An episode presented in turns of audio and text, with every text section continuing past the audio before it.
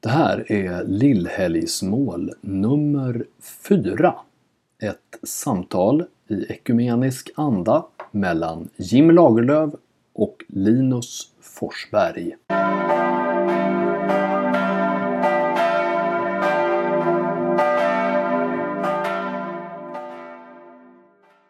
Hjärtinnerligt välkomna till fjärde avsnittet av Lillhelgsmål. Det är onsdag kväll. Jim Lagerlöf sitter här och vem sitter på andra sidan?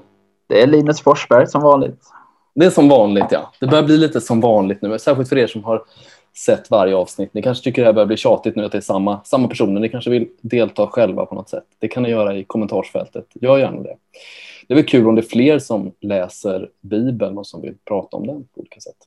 Ja, vi fick ju lite återkoppling på avsnitt två. Framför allt frågan om Jesus pratar om försoning och var mm. han gör det och hur man ska, vad man ska dra för slutsatser kring om att söka försoning betyder att man själv, att det räcker att man själv gör det eller om man också verkligen måste bli försonad innan man får fram till altaret. Det tycker mm. jag var väldigt kul att vi fick den. Det finns ju väldigt mycket, både i kyrkans tradition, eh, alltså den katolska traditionen då, men det känns som att det här med försoning, förlåtelse, försoning, det, känns, det står som i centrum både, både hos protestanter och katoliker egentligen. Så det är en viktig fråga och det står mycket i Bibeln om det också. Jag menar, om man bara läser i Fader vår eller Vår Fader då, förlåt oss våra skulder så som och vi förlåta dem oss skyldiga är. Och, ja, det där mm. det är som ett, nästan ett villkor. Ja, men som du är inne på, det är väldigt centralt och något som har burit den kristna tron, kristna läran, kyrkan från Jesu tid. Och fortfarande är en viktig del idag. Ja, precis. Förlåtelse, viktiga saker. Hoppas att... men det, det, och svåra grejer egentligen. Jag pratade med någon alldeles nyligen här om kan man förlåta allt? Den här klassiska frågan och eh, vilka krav kan man ställa och vilka krav ställer Gud? Det är ju egentligen inga enkla frågor och jag tänker så här, ibland är det bättre att ta den typen av frågor i själavård snarare än i predikan, men det behövs väl både och. Mm. Vad ska ni läsa för texter, för text på söndag? Vi kommer läsa från Matteus evangeliet. Det är sjunde kapitlet, verserna 15 till 21. Och det är när Jesus pratar om falska profeter och att vi inte ska lyssna på dem. Och jämför med träd som bär frukter, både goda frukter och frukter som inte är så smakfulla. Mm. Och jag tyckte att det här var faktiskt ganska krångligt att förbereda mig kring. För att eh, just frågan om falska profeter är ju någonting som, som kan vara lite, en, en lite brännande punkt i, i dagens kyrkoklimat. Mm. Där det ibland är så att vi tycker att vissa hela samfund liksom i sig själv är falska profeter. Det har jag fått höra ibland som svenskkyrklig från, från vissa personer från vissa frikyrkosamfund. Men det är inte sagt att alla tycker det, men att folk mm. tycker att hela Svenska kyrkan bara består av falska profeter. Mm. Och det gjorde att jag tyckte att det blev lite utmanande att prata om det i ett sånt här samtal som ju ska vara samfundsöverskridande. Ja. Men om jag ändå ska ge det ett försök så funderar jag först på att stanna upp kring hur vi definierar en falsk profet. Och där tänkte jag lite kort att vi har, kan hitta en vägledning i Galaterbrevet 5, vers 22 till 23, där vi får höra om andens frukter, som mm. är nio stycken. Och det jag tänker att en människa som bär dem, och det kan ju exempelvis vara kärlek, trofasthet eller ödmjukhet nämna tre av dem. Ja. Att om en människa som för fram ett profets budskap som förmedlar Guds ord för med sig dem så blir det förhoppningsvis en, kanske inte en hundraprocentig garanti, men det pekar ändå åt en riktning på att det här kanske inte är en falsk profet. Men det jag framför allt tänker att vi, ja, eller som jag vill stanna upp i, det är hur vi kanske ibland behöver, för att återkoppla till dagens kyrkoklimat, skilja mellan sann och falsk och det vi tycker är bra och dåligt. För att mm. Jesus pratar just om, om vi ska gå tillbaka till trädet, som antingen kan skörda väldigt fina frukter eller väldigt dåliga frukter. Mm. Så finns det en skillnad mellan om en frukt är fin och om just jag tycker att frukten smakar gott. Just det. Den kan ju vara väldigt, väldigt fin, men den tilltalar inte mig. Och det tror jag att vi ibland blandar ihop lite. Att om jag tycker att en frukt inte smakar så vill jag också säga att det här var en, en dålig frukt. Men det är egentligen två olika saker. Ja, det, var, det, är det. det är väl en bra poäng. i det här. Mm. Nej, men vad, jag tänkte nu så här, vad är en äkta profet? det kan ju vara, vara en poäng att liksom säga vad en bra profet är. Och det finns ju ett gäng profeter i Bibeln, både i Gamla Testamentet men också Johannes döparen, eh, tänker man ju på. Mm. Den sista profeten. En profet är väl den person som säger sanningen. Va? Eh, och sanningen kan vara lite jobbig att höra ibland. Jag tänker på att eh, en, en, om man har en bra kompis, mm. då är ett kännetecken om man har en bra kompis på att den säger sanningen till mig. Om jag frågar, ska jag göra så här? Eller ska jag göra så där? Kompisen, om det är en bra kompis, kommer liksom inte bara stryka medhårs och säga, ja men gör det som känns rätt. Utan kompisen säger vad den faktiskt tycker. Och vad den tror är mm. bäst för mig. Alltså kärlek och sanning på något sätt. Kärlek, alltså att vilja den andres bästa. Och sanning, att orka säga det. Eh, och då är väl en falsk profet någon som inte säger sanningen helt enkelt. Någon som försöker, vad ska man säga, på något sätt um, antingen släta över, säga allting blir bra. Jag, jag kommer ihåg att Martin Luther i en av sina teser, de här 95 teserna, där skriver han eh, att han, han förbannar de präster som bara säger frid, frid och inte kors, kors eller sådär. Va? För han, han tycker nog att det är för många som slätar över. Han säger att livet, livet är på allvar, man måste ibland säga lite jobbiga grejer. Men sen var det väldigt intressant, och det uppskattar jag verkligen att du säger det här med andens frukter. Att det, på något sätt en profet, den, den talar inte bara av sig själv. Den, det den säger, det kommer inte från profeten själv, utan det är anden, Guds egen ande som talar genom profeten. Så på ett sätt då, om man ska avgöra om någonting kommer från en, prof, från en falsk eller, eller en äkta profet, då, då är det ju så att då ska man ju jämföra vad personen säger med vad vi, vad liksom, vad vi känner igen. Känner jag igen det här hos Jesus? Skulle Jesus kunnat säga så här? Känner jag igen det här hos apostlarna, hos, hos eh, kyrkans undervisning? Eller är det här någon egen, liksom, är det här hemkört, så att säga, tänker jag. Mm, nej men jag håller med, jag tycker det finns mycket klokt i det. Och något som jag tänker också är viktigt idag för att kunna veta om någon är sann eller falsk, det är att framförallt veta från vilket perspektiv talar den, från vilken kontext talar den. För att där kan det också, sånt spela väldigt stor roll om det den berättar blir sant eller blir falskt. Ja. Nu, skulle, nu ska jag ta ett exempel som kanske inte är särskilt profetiskt. Men säg att både du och jag skulle prata om lojalitet mot påven. Ja. Mm. Det, det, är en sann lära. Att för dig som då är tillhör romersk-katolska kyrkan mm. så är det väldigt sant profeterat av dig.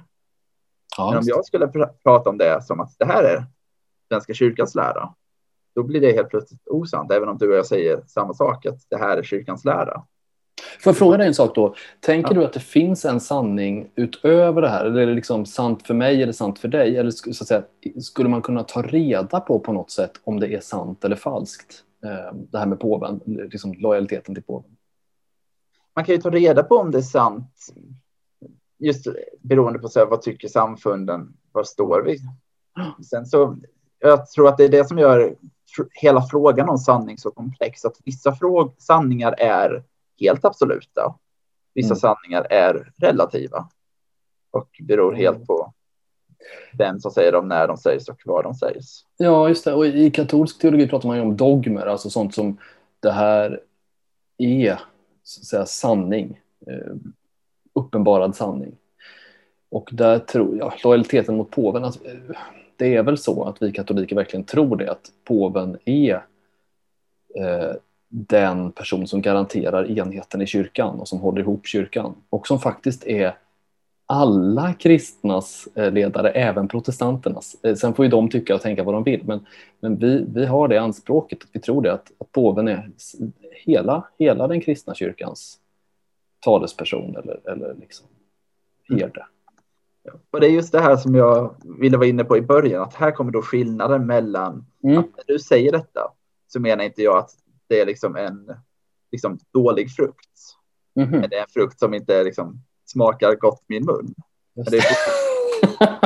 just det här för att skilja på det. Ja, du, har inte burit en dålig, ja, mm. du har inte burit en dålig frukt, men du har burit en mango som jag inte gillar. Ja, just det. Ja, just det. Mm. Nej, men så fattar jag att du tänker då. Mm. Eh, medan jag ju tänker då att det här är en frukt som du eh, det, det, här är en god frukt, så att mm. säga.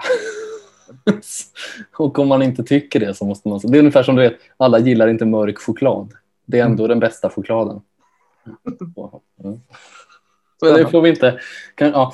vad, mm, vad tar vi med oss då från, från, eh, från det här? Um, hur lever vi det här sökandet efter falska och äkta profeter veckan som kommer?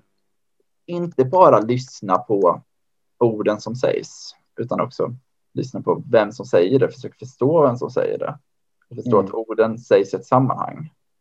Och Orka lyssna färdigt på, på människor. Jo, precis. Mm. Och någonstans också förstå bakgrunden till orden, inte bara orden i sig. Det, jo men du, bra. Alltså som, som lutheran då, det finns ju en förklaring i lilla katekesen eh, som är att man ska tolka allt till det bästa, eller hur? Att man ska liksom, när man Exakt. hör på andra människor ska man vilja, man ska försöka tolka dem, inte som politiker gör som ofta vill missförstå, utan mer som en medmänniska som vill förstå. Jag förstår inte alls vad du menar med att politiker vill missförstå. Nej, jag förstår. Jag höll på att säga. Okej. Okay. Ska vi gå vidare till, till er text? Vi får nästan göra det.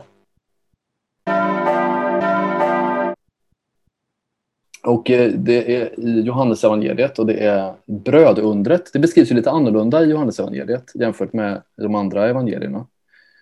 Men Jesus har i alla fall mättat ett, en stor grupp med människor.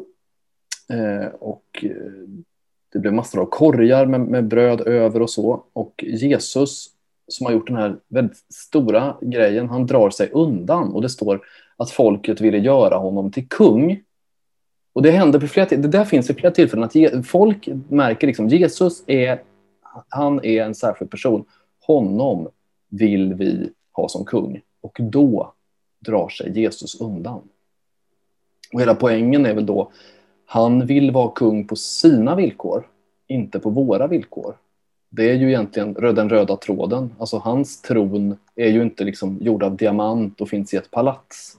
Utan hans tron är korset. Det är där han vill att vi liksom tillber honom och det är dit han vill att vi följer honom på något sätt.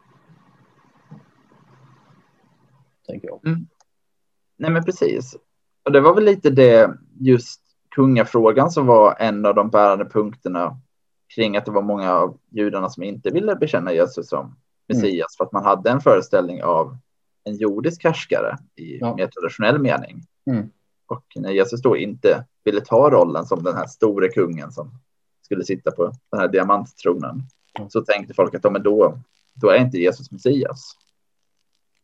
Nej, precis. Och jag menar, det, det först, alltså, om man önskar sig någon typ av krigsherre, och det gör ju många kristna idag också tyvärr. Alltså, det är väl många som vill att Gud ska vara väldigt mycket mera, ja men, kom igen nu, kom in och ställ allting till rätta med våld om det behövs.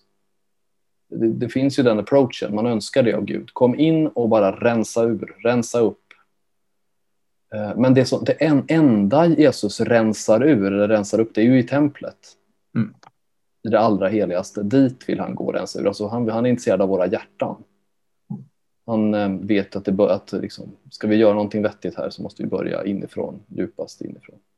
Jag, jag tror att det kan, det kan väl vara så att man får fundera på vilket sätt vill jag att Jesus ska vara min kung?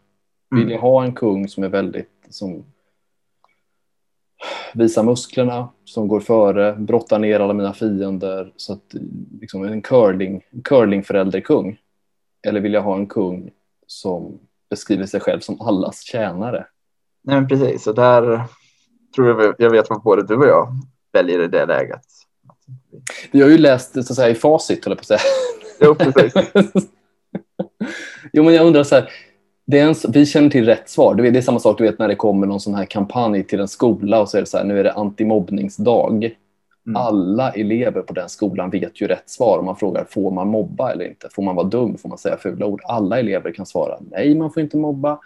Nej, man får inte säga fula ord. Alla ska få vara med. Och sen finns det ju en verklighet, hur vi lever det här sen. Och det gäller ju även dig och mig. Alltså vi, jag tror ibland även att du och jag önskar en kung som är lite mer på gång, som är lite mer bryter av saker och ting och liksom skäller ut eller, eller liksom använder musklerna på olika sätt. Ja, nej, men så är det absolut. Jag har nog aldrig riktigt önskat Nej. våld, men Nej. bryter av, absolut. Mm. Det. Nej, jag håller med. Våld känns ju långt borta.